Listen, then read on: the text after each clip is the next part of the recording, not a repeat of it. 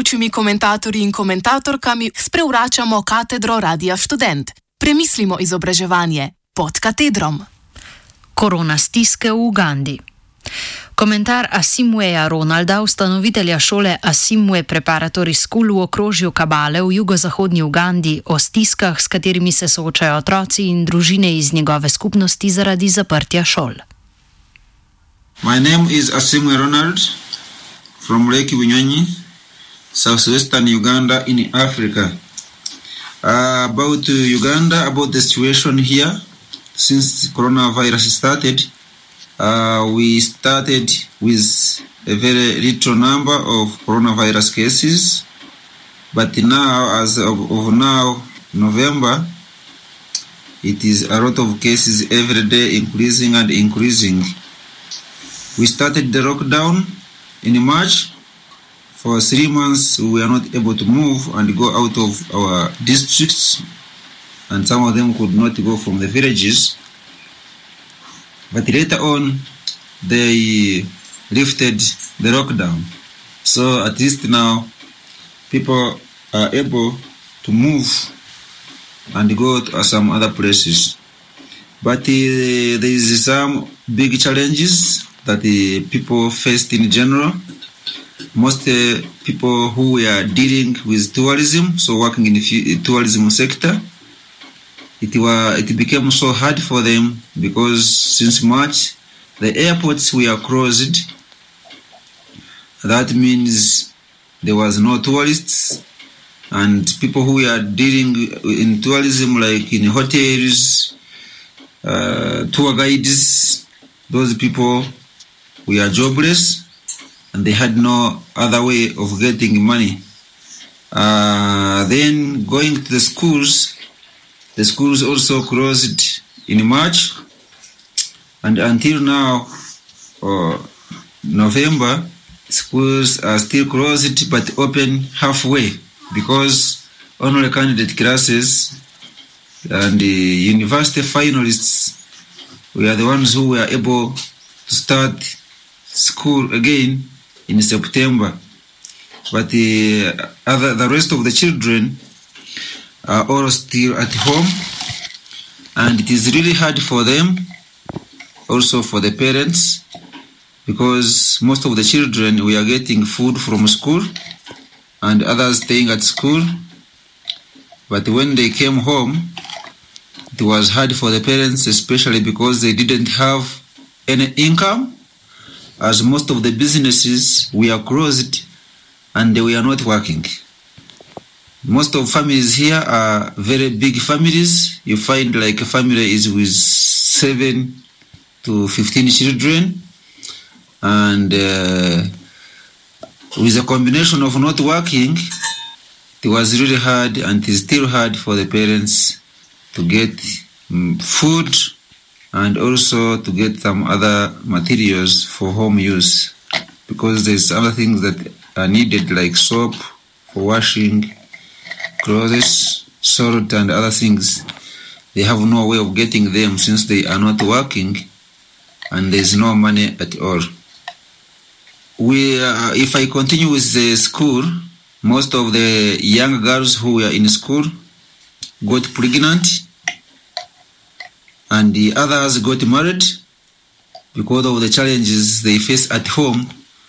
Because at home you find girls need some things like sanitary pads or some other thing they need but they cannot get them because the parents has no money and they have no way of getting such a thing that they need. So most of them I don't know if they decided or if they were forced to, but most of them got married uh, during this time since Corona started in March. And uh, another thing that the children faced during this Corona, there was a, a lot of overworking for the kids because they work a lot so that they can get food because you find a child cannot get food at home but other families can offer them some work to do so that they can get some food to eat. Uh, then another problem they faced was uh, also child abuse because it was hard, especially because it is the first time that most of the families, the whole family is at home for uh, such a long time. And you find they have some disagreements with the children or with the parents, and then some fighting and other stuff like that. Another thing, since the corona started, transportation was closed. So they were not able to go from place to place. And when a child gets sick, or other people who are old, if they get sick, it was a very big challenge because they would not get any way of going to the hospital. Because, the, for example, in my community, the only hospital that is close, they have to cross the lake and uh, they have to pay for the motorboat to transport them. And since they had no money also to transport them, then it becomes even more harder. And you find they are just suffering at home. And uh, now, after the children being home for a long time, they have no clothes for wearing because most of them, after they closed the schools, they didn't know that the corona will take a long time. So they told the kids that you go home maybe for two weeks or for one month. So the kids were not ready, prepared to stay home for a long time. And they left their clothes at school. So after that, they came home, the markets were closed, and there was no way to get clothes.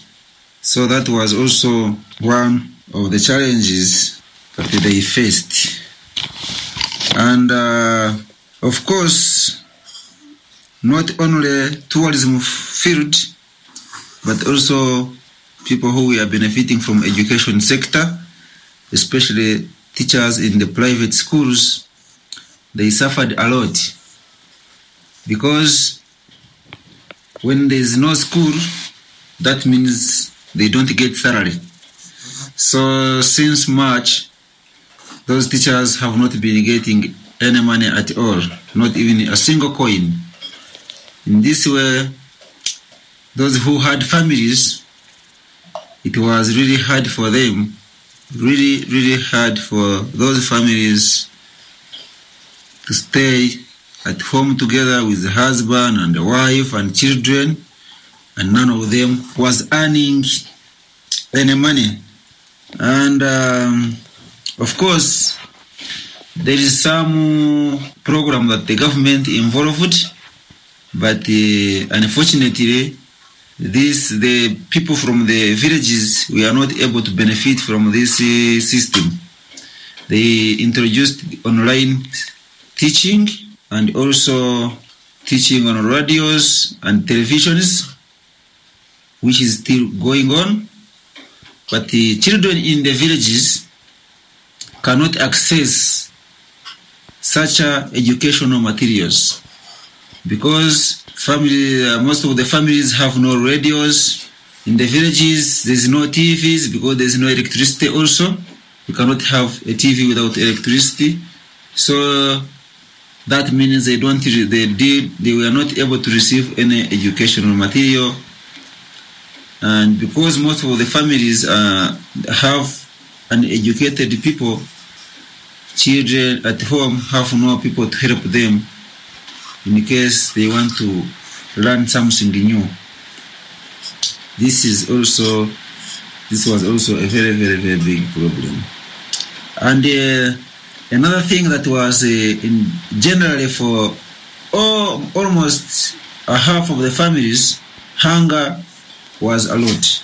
People had no food because there was a lot of people who wanted to eat but there are few people who work so there is like 30% working for 70% so that the 70% can get food which became very hard.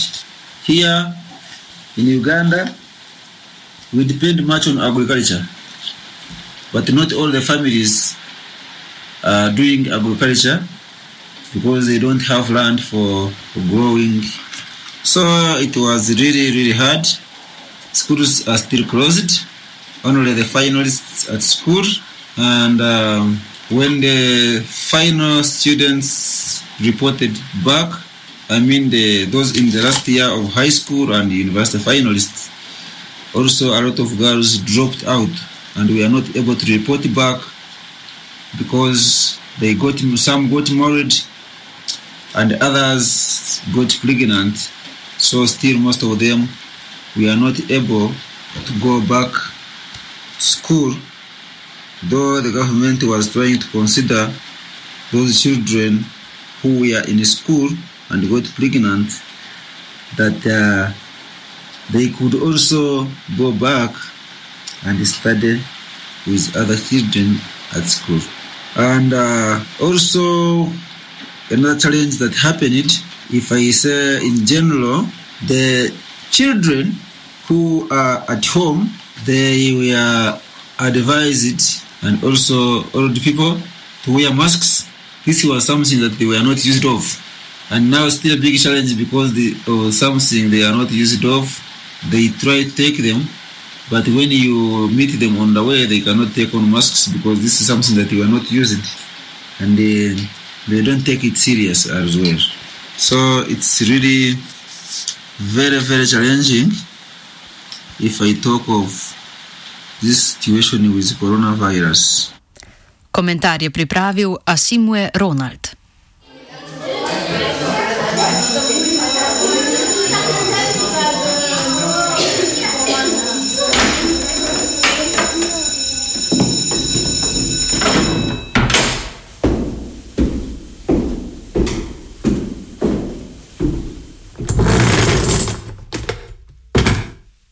Gostujočimi komentatorji in komentatorkami sprevračamo katedro Radia Student. Premislimo izobraževanje pod katedrom.